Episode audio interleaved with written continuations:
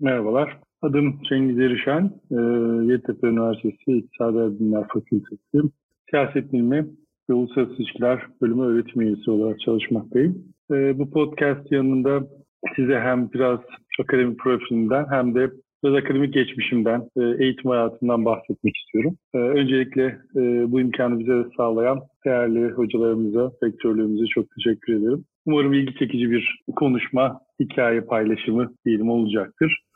Ben 1996 yılında Marmara Üniversitesi İşletme bölümüne başladım ve ilk dönemde e, her öğrenci gibi çok heyecanlı ve güzel bir akademik yıl geçirmek, üniversite hayatına başlamayı arzu ettim. Öyle de oldu.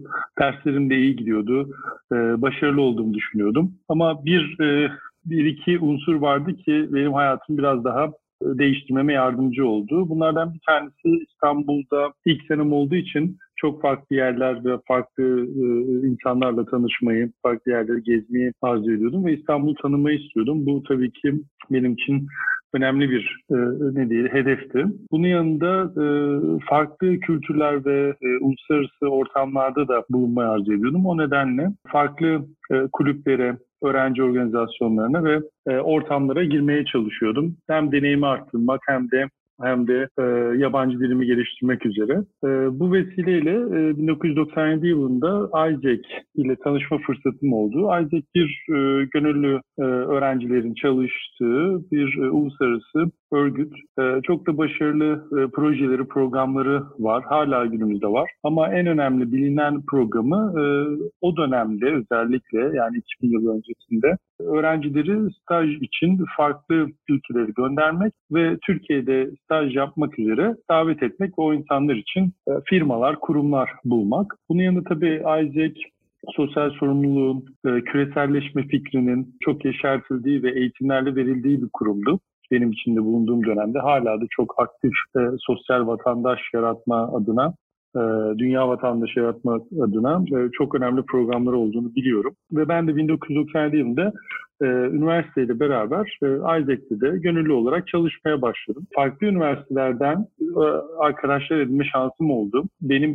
bulunduğum üniversiteden de Marmara Üniversitesi'nden de arkadaşlarım vardı ama bunun dışında İstanbul Üniversitesi, Boğaziçi Üniversitesi, İstanbul Teknik, Galatasaray Üniversitesi gibi farklı üniversitelerden arkadaşlarla tanışma şansım oldu ama en güzeli IG'nin aslında e, yaz döneminde e, Türkiye İstanbul'a getirmiş olduğu öğrencilerle tanışma ve buluşma imkanıydı. Bu vesileyle çok farklı ülkelerden Avrupa ve Amerika başta olmak üzere dünyanın çeşitli ülkelerinden stajyerler, staj yapacak öğrenciler İstanbul'a geliyordu. Biz de onlarla ilgileniyorduk, vakit geçiriyorduk. Hem yani e, akademik olarak işletme ile alakalı disiplin derslerini alırken e, bir yandan da uluslararasılaşma adına farklı insanlarla tanışma şansım oluyordu. Ve e, hayatımda yani e, daha öncesi de gitmemiştim. 1998 yılında ilk yurt dışı ziyaretimi İsviçre'ye yaptım ve Isaac King düzenlediği bir konferansa katılma şansım oldu. Bu konferansta hem Isaac için bazı organizasyonlar yapılıyordu hem de bunun yanında bazı eğitimler alınıyordu. Hiç unutamadığım bir eğitimde time management eğitimi olmuştur. E, zaman planlaması üzerine. E, çok etkilemişti ve çok e, beni yönlendirdiğini düşünüyorum. Yani üniversite ilk yıllarına gidildiğinde aslında bir yandan akademik olarak hani derslerimi olabildiğince iyi yürütmeye çalışırken öte yandan da e, sosyal faaliyetler ve sosyal aktivitelere katılmak üzere aile içerisinde özellikle e, önemli bazı roller almaya çalıştım. Bu da beni çok zenginleştirdi diyebilirim. Ama esas e, akademik olarak beni çok değişen ve insan olarak da çok değiştiren e, deneyimim 99 yılında e, dönemimi ve o dönemlerde üniversite pek rahat dondurulamıyordu. Eğitim çok rahat dondurulamıyordu. Ben o dönemde e, eğitimi dondurma kararı alarak bir yıl boyunca Isaac aracılığıyla Brezilya'da bir e, toplum örgütünde, kuruluşunda e, çalışma kararı verdim. E, bu kuruluşun adı e, Cruzado do Menor, e, Crusade for Children diye geçiyordu. Tamamen Rio de Janeiro'nun içerisinde bulunan çok dar gelirli e, aileleri, çocuklarını veya e, orada yaşayan gençlerin bir meslek edinebilmesi ve çocuklarının bakımıyla ilgilenen bir sivil toplum kuruluşu ve farklı e, örgütlerden, e, devlet birimlerinden, e, büyük elçiliklerden destek toplayarak hayatta kalan bir sivil toplum kuruluşuydu. yani neden Brezilya diye tabii o dönemde çok soruldu. Yani birçok sebebi vardı ama en önemlisi ben farklı bir deneyim kazanmayı arzu ediyordum. Birçok arkadaşım bu dönemde Avrupa'da çeşitli yerlere, seyahatlere gitti. Bazıları staj yapmaya gidiyordu, bazıları sadece gezmeye gidiyordu. Tabii ki Avrupa yakın olunca daha rahat gidiş gelişler söz konusuydu. Trenle gidebiliyordu, uçakla gidebiliyordu vesaire. Ben açıkçası o dönemde bir daha belki hayatım boyunca elde edemeyeceğim bir fırsat olarak e, farklı bir yer olmasını istedim ve Brezilya'dan bir e, teklif gelmişti. Ve yani aklımda tabii ki hem e, bir toplum kuruluşunda çalışarak biraz daha o e, sosyal sorumluluk bilincini kendi içinde de yerleştirmeye çalışmak ve bunu aktif olarak yapmaya çalışmak ve bunun yanında da biraz da farklı, dünyanın çok farklı yerleri görmek ve seyahat etmek vardı. Ee, hazırlık aşaması tabii ki kolay olmadı çünkü e, Brezilya'da Portekizce konuşuluyor ama o dönemde ben e, yani 1999 yılında hemen Portekizce dersleri alabileceğim kimse bulamamıştım. İspanyolca çok daha e, ilgi çekici bir dildi o dönemde. O nedenle ben de e, Nişantaşı'nda bir İspanyolca kursuna başlamıştım. Hiç unutmuyorum orada da bir e, dört yol ağzı vardır. Trafik ışıklarının olduğu tek yön gider ama hemen sağ tarafta çok güzel bir pastane ve onun üzerinde birinci katta bir İspanyolca kursu vardı. Orada ders almaya başladım. Ki İspanyolca ile beraber daha sonra Portekizce öğrenebileceğimi düşünerek. Çünkü çok benzer birbirlerine. Ama tabii ki bu e, Rio'da, Rio de Janeiro'da tutmadı. Çünkü Rio'daki aksan kullanılan Portekizce çok daha kuvvetli bir aksan. Çok daha J'lerin, G'lerin telaffuz edildiği bir dil. Onun için e, ilk dört ay Brezilya'ya gittiğimde hiçbir şey konuşamadığım insanları dinlediğimi hatırlıyorum. Tabii ki İngilizce iletişime geçebiliyorduk, konuşabiliyorduk ama e, oradaki arkadaşların hepsi konuşamıyordu.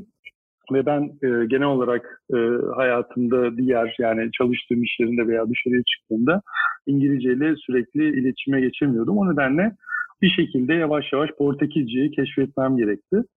E, bu da çok kolay oldu diyemem haliyle. İlk dört ay ama çok sıkı bir şekilde insanları dinlediğimem, televizyon programlarını dinlemeye çalıştım. İşte arkadaşlarla konuşmaya çalıştığımı hatırlıyorum. Ve bu tabii ki beni çok farklı bir yere kültürel olarak farklı bir yere götürdü, farklı insanlarla tanıştırdı. O bir bir bir kısmı tabii ki ilk önce şoktu ama daha sonra ki kısmı e, hem kişinin kendi gelişimi için hem de e, yani işiyle alakalı farklı bir e, kültürde, farklı bir yerde bir şey üretiyor olması gerçekten inanılmaz bir e, haz veriyor ve insanı çok tatmin edici, önemli bir gelişim içinde önemli bir e, deneyimdi diye düşünüyorum. E, Rio de Janeiro'nun kendine ait tabii ki güzelliklerinin yanında çevresi ve Brezilya'nın genelinde gezilebilecek, görülebilecek çok fazla imkan vardı. O nedenle ben de bir e, 6-7 ay kadar Rio'da yaşayarak e, stajımı devam ettirdim çalıştım epeyce. Çok farklı. Yine Isaac aracılığıyla buraya gittiğim için oradaki Isaac toplantılarına katılma şansım oldu. Yine farklı kültürlerden, ülkelerden gelen e, insanlarla tanışma şansım oldu. Çok farklı bir uluslararası ortama geçiş yaptığını düşünüyorum. E, bununla beraber e, Portekizce'yi de aslında 4 ay sonra e, çözmeye başladım ve biraz daha kendime güvenince e, yani 6. 7. aydan sonra belki Brezilya için biraz gezebileceğimi düşündüm. Ve işte herkesin o dönemde yani günümüzde de çok aktiftir ama backpacking diye bilinir. Hani şu pandemi döneminde belki biraz daha durgunlaştı fakat backpacking e, yaparak e, bir bir ay kadar Brezilya içinde geniş bir daire yaparak Rio'dan işte Sao Paulo'ya aşağıya doğru güneye doğru gidip ondan sonra Pantanal denilen e, dünyanın en yani ilginç ve muhteşem bir doğaya sahip olan yerini ziyaret ettikten sonra bir de Brezilya olduğu için Mart sene denk gelmişti. E, karnaval. E, ama bu Brezilya'da genel kutlanan bir karnaval. Rio'daki farklıydı. E, Salvador kentinde ki karnavala katıldığımı hatırlıyorum. E, çok ve ondan sonra da tekrar Rio'ya dönmüştüm. Ee, yani çok e, cüzi bütçeyle tamamen bir öğrencinin işte idare edebileceği şekilde bir backpacker olarak hostellerde kalarak veya işte oradaki ailetti arkadaşların evlerinde kalarak e, çok ilginç bir e, bir ay geçirdim atıyorum. Sonrasında biraz daha vaktim olduğunu düşündüm ve hani e, yine buralara belki gelemem diye 20'li yaşlarında artık 20 yaşına gelmiştim neredeyse 20-21 yaşlarında bu geniş bir Güney Amerika seyahati yapabileceğimi düşündüm ve e, ilk önce tabii Brezilya tekrar güneyine geçtim. Oradan Uruguay, e, Arjantin, e, Paraguay, Arjantin'de aşağıya Uşağı'ya denilen dünyanın en güneyindeki noktaya kadar e, gittim. Oradan daha sonra Şili'ye geçip Şili'de yukarıya çıktım. E, sonra Bolivya, Bolivya'dan sonra da Peru. Ve Peru'da e, Inca e, tapınakları ve e, Cusco'yu ziyaret ettikten sonra da artık neredeyse bir iki ay geçmişti. Çok zor şartlar altında birçok badireler atlatarak e, çok ilginç bir deneyim yaşadığımı söyleyebilirim. E, ve daha sonra da tabii ki Türkiye'ye artık dönmek istiyordum. Yaz ayları geliyordu Türkiye'ye ve e, Güney Amerika'da da kış ayları yaklaşıyordu. Temmuz ayı gibi neredeyse bir yıl kadar sonra İstanbul'a geri döndüm. Yani inanılmaz bir deneyimdi. O bir yıl gerçekten beni insan olarak değiştirdiği gibi akademik ve yani bir profesyonel olarak hayatı nasıl yaklaşmam gerektiğine dair de tamamen ayrı bir insan haline getirmişti. Ve bununla beraber tabii birçok şey insan sorgulamaya başlıyor. Hem kendi kazandığı akademik deneyim hem de orada yaşadığı deneyimleri bir araya getirdiğinde. Döndüğümde ama benim bitirmem gereken bir yıl vardı e, dördüncü sınıftaydım e, ve uzmanlık alanı seçmem gerekiyordu. E, yönetim organizasyonu tercih ettim işletme e, alanında. E, ve daha sonra hem bu akademik yılımı devam ettirirken de e, farklı bir yerde e, staj yapmayı e, staj yapmayı düşündüm. E, karşıma da Danonsa da yani Danone'un e, Sabancı'daydı o zaman holdinge aitti. E, hatta kulelerinde, Sabancı kulelerinde e, staj yaparken de derslerimde son kalan derslerimde tamamlamaya, bitirmeye çalıştım. E, ve yani hoşuma gittiğini söyleyebilirim ama e, ilginç bir olay oldu. Yani e, o tabii ki e, hani akademik olarak siz kendinizi stajda da kanıtlarken e, 11 Eylül gibi bir olay gerçekleşti ve bir anda böyle e, dünyanın dengesi e, bozuldu. Uluslararası ilişkiler, e, devletler arası dengeler, küreselleşme o dönemde yerleştirmiş olduğu şey bir anda e, farklılaşma, ötekileştirme ve işte kamplaşma bendensin veya ben yani benden, benden olanlar bendendir, olmayanlar bana karşıdır yaklaşımıyla e, çok farklı bir dünya karşımıza çıktı ve ben de e, daha fazla akademik olarak e, hem uluslararası ilişkilerin nasıl ilerlediğini hem de bu sorunsalın e, çeşitli yansımalarının topluma nasıl olabileceğini merak ettiğim için e, yüksek lisans yapmaya karar verdim. E, Danone'da aslında iş teklifi gelmiş olmasına ve o dönemde ekonomik kriz olmasına rağmen biraz daha diyelim e, idealist e, bir şekilde e, Galatasaray Üniversitesi'nde Uluslararası İlişkiler Yüksek Lisans Programı'na başladım 2001 yılında. E, burslu bir öğrenci olarak başladığım için çok şanslıydım. Bir sene Fransızca eğitim alacaktım ve daha sonra derslere geçiş yapacaktım. E, bu burslu olmanın tabii avantajları oldu. Çünkü bir sene boyunca tamamen Fransızca'ya odaklanırken e, onun yanında e, uluslararası işlerle alakalı çok şey okuma şansım oldu. Yani hayatımda en fazla aslında e, okuma yaptığım dönem e, Galatasaray e, birinci sınıf yani yüksek lisansta hazırlık sınıfı olarak geçen dönemdi. Hem Galatasaray Kütüphanesi hem farklı kütüphanelerde İstanbul'un çeşitli kütüphanelerinde sürekli bulunarak çok fazla kitap okuma ve öğrenme şansım oldu. Ee, tabii ki Fransızcayı da biraz biraz çözmeye başlayınca e, Fransızcanın da e, açabileceği Fransa e, yani Fransız literatürünü de keşfetmeye e, başladım. E, ama bu dönemde de e, daha sonra yavaş yavaş belki akademik hayatın benim için doğru olabileceğini ve çalışma düzeni, disipline, e, akademisyenin neler yaptığını, e, yani lisans döneminde tabii ki e, kişinin hemen her şeyi keşfetmesi mümkün olmuyor. Ama yüksek lisans yüzde biraz da e, hayatta bazı deneyimlerle beraber 22-23 yaşlarından sonra belki biraz daha bazı soruların cevapları daha rahat yerine oturabiliyor. Kişi de kendine uygun e, profesyonel hayatı, kariyeri e, çizmeye başlayabiliyor herkes de aynı olmamakla beraber benimkinde böyle oldu ve e, ABD'ye, Amerika Birleşik Devletleri'ne e, giderek doktora yapmam fikri çıktı. E, bu fikri veren e, kişi de aslında e, çok o dönem çok sevdiğim arkadaşım, şimdiki eşim Elif Erişen'dir. Bu vesileyle biz Amerika'ya beraber gitmeye kararı aldık ve daha sonra ben Binghamton Üniversitesi'ndeydim. Eşim de Stony Brook Üniversitesi'ndeydi. Uluslararası İlişkiler Departmanı diye bir departman Amerika'daki e, sosyal bilimler bölümlerinde bulunmuyor. Bir iki tane var. Fakat daha çok bölümün adı Department of Political Science diye geçiyor. Yani siyaset bilimi. Uluslararası ilişkiler onun bir alt dalı olarak ele alınmış. Ben ilk önce Binghamton Üniversitesi'ndeydim. New York, Upstate New York yani kuzeyinde bulunan kampüslerinden bir tanesi. State University of New York'un Binghamton kampüsü. Stony Brook kampüsü de ikinci bir tanesiydi. Fakat bu kampüsler birbirinden biraz uzak olduğu için e, ikimizden birisi yer değiştirmek zorundaydı. Ben daha çok dış politika analizi, uluslararası ilişkiler e, yapmayı arzu ediyordum ama e, bizim için yani ailevi bir tarafı da bulunduğu için e, nerede buluşalım denildiğinde Stony Brook'a geçme kararı verdim ve hemen gittiğimin ilk yılında e, Galatasaray Üniversitesi tezini de e, yarım bırakmak e, durumda kalarak daha sonra e, Stony Brook Üniversitesi'ne geçiş yaptım. Stony Brook'ta yine SUNY'nin yani State University of New York'un e, Stony Brook'taki kampüsü ve New York şehrinin daha yakın e, Long Island denilen adanın, uzun adanın ortasına doğru bir yerde bulunan bir kampüs. Çok daha büyük bir kampüs. Çok büyük bir hastanesi var. E, aslında birçok açıdan Yeditepe'ye de benziyor.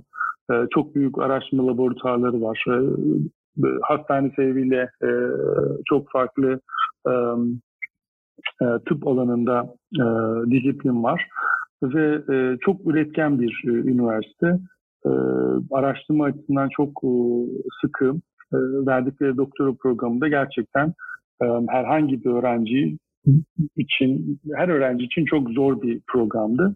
En azından benim için. Yani ben hani Binghamton'da bir sene geçirmiş olmama rağmen doktora programında e, o bir nevi yine bir hazırlık sınıfı gibi oldu. E, yani aldığım o kadar Galatasaray'da e, tamamladığım uluslararası ilişkiler dersleri daha önce aldığım lisans eğitimi Binghamton'daki bir sene üzerinde bile Stony Brook'ta doktoraya başladığımda 3 senelik bir ders programı vardı ve çok sıkıydı. Tez işte savunması ikinci, ilk önce tabii e, doktora yeterliği vermeniz gerekiyor ikinci sene sonunda. Üçüncü sene sonunda tez e, önerinizi savunmanız gerekiyor. Beşinci sene sonunda da en fazla bitirmeniz gerekiyor. Yani altıncı seneye kimsenin kalmasını izin vermiyorlardı. Bu yani hem Binghamton hem de Stony Brook'ta e, araştırma görevlisi olarak bir yandan maaşlı çalışıyordum. Bir yandan da doktor öğrencisi olarak derslerimi devam ediyordum. Yani e, hem Binghamton hem de Stony Brook'ta en fazla aklımda kalan şey e, çalışma, çalışma, çalışma. Yani e, akademik olarak e, insanın kendini gösterilmesi ve kanıtlayabilmesi için e, çok fazla çalışması ve e, öğrenmesi gerekiyor haliyle. Daha sonra çünkü bunu e, aynen öğrencilerine e, yansıtabilmesi kolay olmuyor. O nedenle e, benim de e, yani 2000 3 yılı 2004 yılı arasında Binghamton'da 2004-2009 yılları arasında 5 yıl boyunca Stony bir akademik e, çalışma sürecim, öğrenme sürecim oldu. E, tabii ki ilk önce ilk 3 sene tamamen öğrenmeyle alakalı çok yüksek bir öğrenme eğrisi var. Çok zor aşılıyor. Ne kadar yüksek alabilirseniz o eğriyi yüksek yukarı çıkarabilirseniz o kadar daha iyi oluyor. Ve yani e, oradaki aldığımız eğitimde e, bence bizi bana çok uygundu ve hem yapmak istediğimle alakalıydı hem de çok iyi bir akademik kariyer için imkanlar sağlayan bir eğitimdi. Orada tabii çok farklı konferanslar, akademik toplantılara gitme şansım oldu. Hocalarımızın yönlendirmesi çok önemliydi. Bununla beraber tabii doktorun en önemli parçası tez e, ve tezin e, ilginç olması, ilgi çekici olması, e, sağlam olması içinde e, çok fazla e, data toplama, işte farklı yöntemlerin kullanılması, e, o dönem geçerli olan literatürdeki akımları da belki e, takip edecek bir çalışma olması gerekiyordu. Ben de bunu yapmaya gayret gösterdim. E, çok kolay bitirilen bir tez olmadı. E, anlatması da o nedenle veya iş bulma açısından e, çok da kolay olmadı. Çünkü e, benim uzmanlık alanım özellikle Stonewood'da verilen e, e, alanlardan, alt alanlardan bir tanesi siyasal davranış, siyaset psikolojisi olarak geçiyor. E, ve bu konuda o, çok fazla çalıştığımı ve uzmanlık kazanmak için gayret gösterdiğimi söyleyebilirim her öğrenci gibi. Ee, ama tabii ki bu akademik kariyer e, artık yani idealist yapının ötesinde tabii ki kendinize bir profesyonel e, hayat çizmenizle alakalı. Ben de bunu hasbel kadar orada e, başlattığımı düşünüyorum. Ee, daha sonra bir sene gibi bir e, Kaliforniya'da, üniversitede yine eşimle beraber e, bulunduk. Fakat tam yani iş piyasasında yer alacakken Amerika'da o dönem ortaya çıkan 2008-2010 arası özellikle ekonomik sıkıntılar, işte işsizliğin çok artması, akademisyenlerin çektiği çeşitli zorluklar, öğrencilerin bazı yerlerde çok azalması ve üniversitelerin bütçelerinin kesilmesi sebebiyle biz de yani Türkiye'ye dönme kararı verdik ve zaten dönme arzumuz da vardı. Ne zaman olacağını düşünüyorduk ama o noktada Türkiye'ye dönerek belki de doğru bir karar vereceğimizi ve yani hem kariyerimiz açısından hem de geleceğimiz açısından doğru bir yaklaşım alacağımızı düşündük. Doğru da yaptığımızı düşünüyorum. Hani geriye doğru bakıldığında belki e, farklı düşünebilir insanlar ama e, her zaman tabii e, ne olacağını kestiremiyorsunuz hayatınızda. E, ama e, e, Türkiye'deki üniversitelerle Amerika'daki üniversiteler ve hangi üniversitede bulunduğunuza göre tabii çok değişken oluyor. Yani Amerika'daki her üniversite aynı değildir. E, araştırma üniversiteleri olması, yayına, e, öğrenci yetiştirmeye, ve daha farklı öncelikleri varken araştırmaya daha fazla öncelik verirken eğitim odaklı üniversite verirse farklı bir kulvardan ilerliyor. Türkiye'de de hem o dönemde hem de günümüzde e, yani birçok üniversite araştırma üniversitesi olmak üzere gayret gösteriyor. İşte çeşitli e, sıralamaları girmeye çalışıyor. Yayın odaklı hareket ediyor ve e, daha fazla e, öğrenci, doktor öğrencisi yetiştirme bilime katkıda bulunma üzerine gayret gösteriyor. Ee, bu vesileyle ben 2010 yılında e, Türkiye'ye döndükten sonra Ankara'da bir üniversitede çalışmaya başladım ve her genç ve e, ne diyelim bilgisi çok daha taze olan akademisyen gibi e, bir araştırma ne diyelim ajandası ortaya çıkardım kendim için ve bir açıdan da kendimi disiplinde kanıtlamaya çalıştım. Hem Türkiye'de hem de yurt dışında çünkü e, bağlantılarımızın çoğu haliyle Amerika'daki akademisyenlerle beraberdi. Hem ortak çalışmalarımız hem de e, çeşitli e, konferanslar sebebiyle yani bulunduğumuz sosyal ağ Amerika'daki akademisyenlerleydi.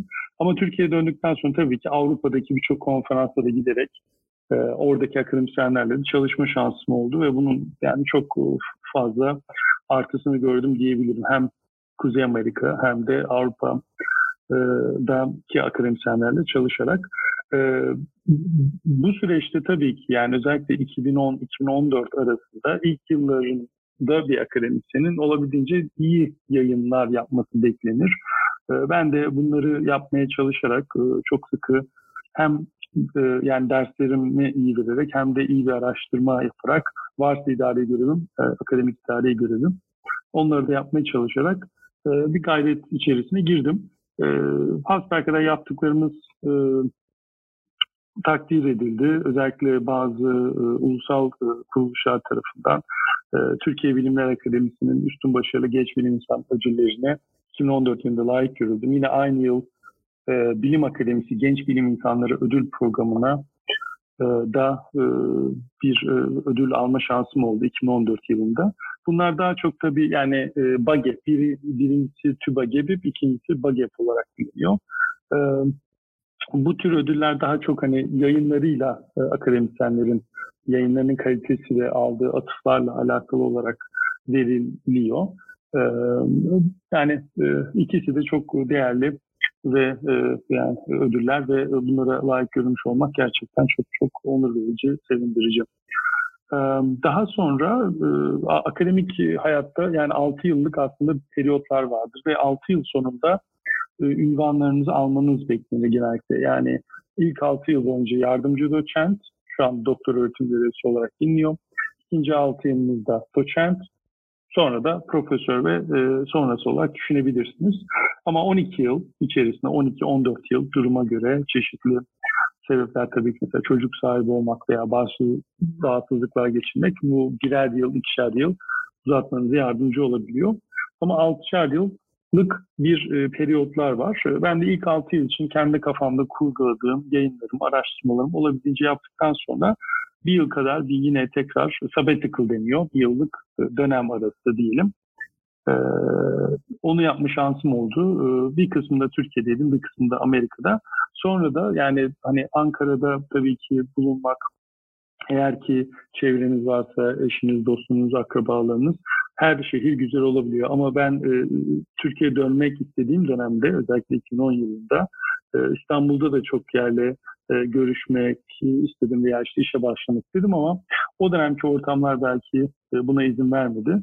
E, ama e, 2017 yılında bu fırsat e, Yeditepe Üniversitesi'nden çıkınca hiç düşünmeden hemen e, başlamayı ve e, yeni bir e, yani kariyerimde yeni bir dönemi açmayı e, istemiştim. Ve çok e, belki de kariyerimin en doğru kararı oldu diyebilirim.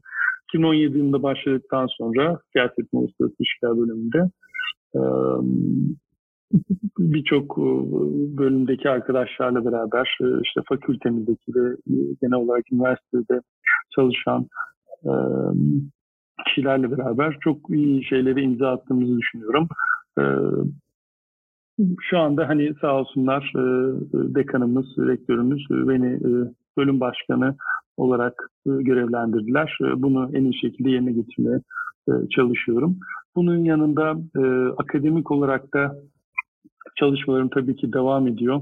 bu vesileyle 2018 yılında TÜBİTAK Teşvik Ödülü'ne layık görüldüm. Bu aslında çok daha sıkı bir elemeden geçen ve gerçekten yayınların kalitesinin artık yani bir 10 yıl içerisinde kendisini göstermiş olması beklenen hem atıf açısından hem de yayının içeriği açısından e, yani yayının aldığı atıflarla alakalı. Böyle bir e, ödülle beraber Yeditepe'de bunu almak e, e, mümkün oldu. Çok çok mutluluk verdi. E, ve yani Yeditepe Üniversitesi'nde de bulunurken hem takdir hem de teşvik edilmek gerçekten e, bir akademisyen isteyebileceği en önemli şeylerden biri ve bunu görmek de çok çok memnun edici. E, ve yani e, bunun yanında e, TÜBİTAK'ta da bazı görevler edinme şansım oldu. So, sosyal bilimler alanında özellikle siyaset bilimi ve kamu yönetimi disiplininde. E, bu vesileyle e, yani kariyerimde 2010 2009 yılında biten doktoradan sonra işte 11 yıl geçmiş diye bakabiliyorum. E, neredeyse işte 12. yıla geçecek ama e, yayınlarım sebebiyle biraz da erken doçent olabildiğim için e, profesör ünvanı alabildim e, daha önce. E, yani akademik hayat e, gördüğünüz gibi benimki normalin dışında yani akademik hayat genellikle en başarılı öğrenciler ve işte ilk dört senede bitiren e, e, üniversitesine daha sonra işte orada derece yapan sonra sonra doktora diye belki kafamızda öyle kurgulanmış olabilir. Benim gördüğüm örnekler çeşitli yani kesinlikle öyle değil diyebilirim. Özellikle Avrupa ve Amerika'da. Türkiye'de belki biraz daha böyle görülmüş olabilir. Ee, yani akademik olarak e, kendimi e, derslerimde kanıtlamaya çalışırdım her zaman ve çok yani gayret göstererek çalıştığımı da biliyorum. Ama akademisyenlik e, sadece ders başarısıyla doğrudan orantılı değil. Yani o önemli bir parçası. Ama akademisyenlik çok ciddi içten gelen araştırma, bilime katkıda bulunma, soru sorma, soru cevaplama, insan yetiştirme, öğrenci yetiştirme, ders verme, e, dersleri sürekli revize ederek işte bilimsel gelişmelere göre yeniden e, toparlama verme, yayın yapma, bu yayınların e, kalitesini arttırma her defasında böyle bir, bir bütün ve bütün yani holistik bakmak gerekiyor. Hepsine bir bütün olarak gözden kaçırmamak gerekiyor. Tabii ki üç ana bacağı var. Birincisi insan yetiştirme, öğrenci yetiştirme yani eğitim kısmı, ikincisi araştırma, üçüncüsü de idari görevler. Bu üç görev üzerinden akademisyenler bir kariyer oluşturuyor kendisine. Benimki tabii daha farklı ve yani yaşadığım deneyimler sebebiyle beni de çok değiştiren e, ve hem kendi kişiliğimi hem de bence yazdıklarımla e, eğitimdeki yaklaşımıma e, çok katkısı olan deneyimler olduğunu düşünüyorum. E, umarım devamında e, kariyerimde e, getirme şansım olur.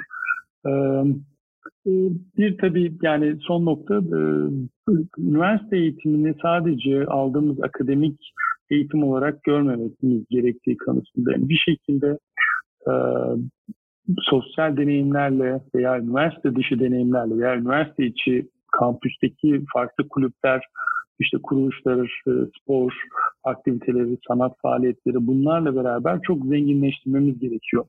Benim içinde bulunduğum dönemde veya bu üniversite yani lisans döneminde bunları elde etme şansım yoktu. Şu anda öğrencilerimizin özellikle Yeditepe Üniversitesi'nde büyük imkanları var. Yani hem bunlar sunuluyor hem de kendileri istedikleri takdirde çok rahat elde edebiliyorlar. Örneğin Erasmus gibi programın olması bile yani Avrupa Birliği'ndeki bir imkan öğrencinin değişimiyle alakalı. Bu bile büyük bir değişiklik yaratıp insana böyle bir imkan verebiliyor. O nedenle yani üniversitenin bir e, formasyon olduğunu düşünmek lazım. Sadece akademik tarafını görmemek gerekiyor. Bu formasyonun yanında tabii ki içinde bulunan sosyal ağ.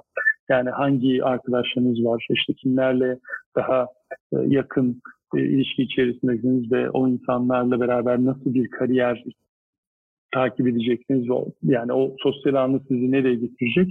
Bunları biraz e, aslında çalışmak gerekiyor. Üniversite yani sadece derslerde başarılı olmak gerekiyor. O birincisi olmazsa olmazı.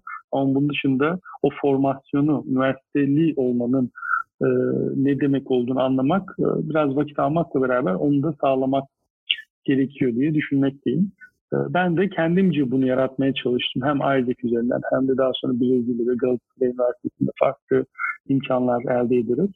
E, ama e, akademik kariyer genellikle dereceleri alarak yani lisans, yüksek lisans, doktora derecelerini aldıktan sonra ünvanları almaya çalışmak ve profesyonel olarak bir kariyer çizmekle alakalı.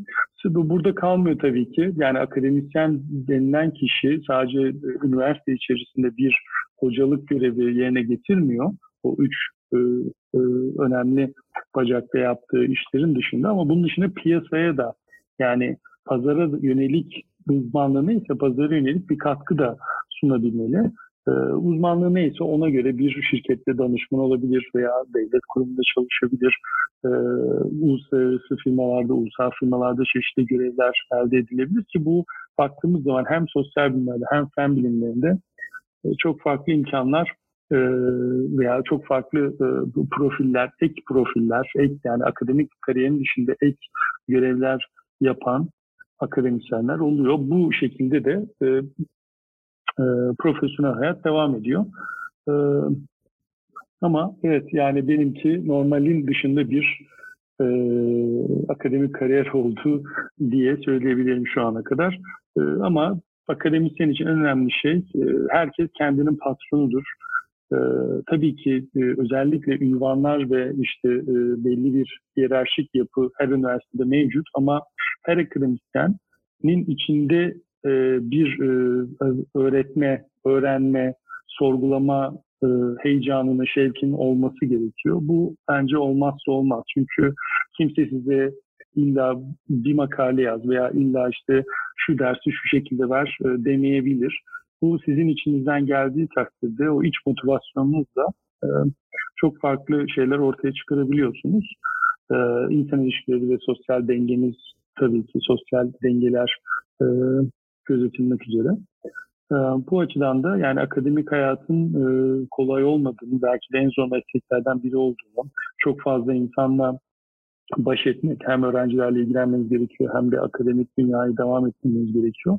Ama bunu yani çok farklı değişkenleri olan bir e, akademik e, nedeni bir profesyonel hayat.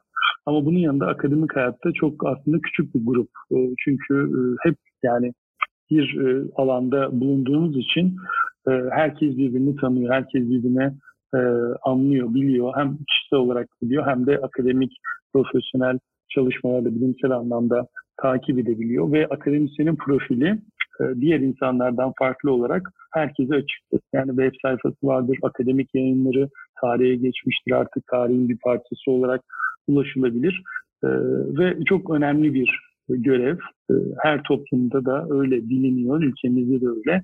Bunun hakkını vermek, değerini vermek çok önemli diye düşünüyorum. Çünkü bu şekilde insanları ve kültürü değiştirebiliyoruz. Yeni insanlar yetiştiriyoruz bu ülkede, diğer akademisyenlerde farklı ülkede. O nedenle e, hakkını vermek gerekiyor ve yani ben hani benim için akademisyen disiplinler arası büyük bir fark yok. Bilim amaçlı, hedefli ilerledikten sonra e, hangi yoldan gidersiniz gidin e, hep bir şekilde katkıda bulunmuş oluyorsunuz. E, ve umarım hani bunu da öğrencilerimize aşılayabiliyoruz. Yeditepe'de güzel şeyler ortaya çıkarabiliyoruzdur. Beni dinlediğiniz için çok teşekkürler. Umarım e, sıkıcı olmamıştır. Güzel bir podcast olduğunu düşünüyorum. Devamını yapmak dileğiyle farklı e, konuşmacıların olması veya farklı konularda görüşmek üzere diyelim. Çok teşekkürler. Kendinize iyi bakın.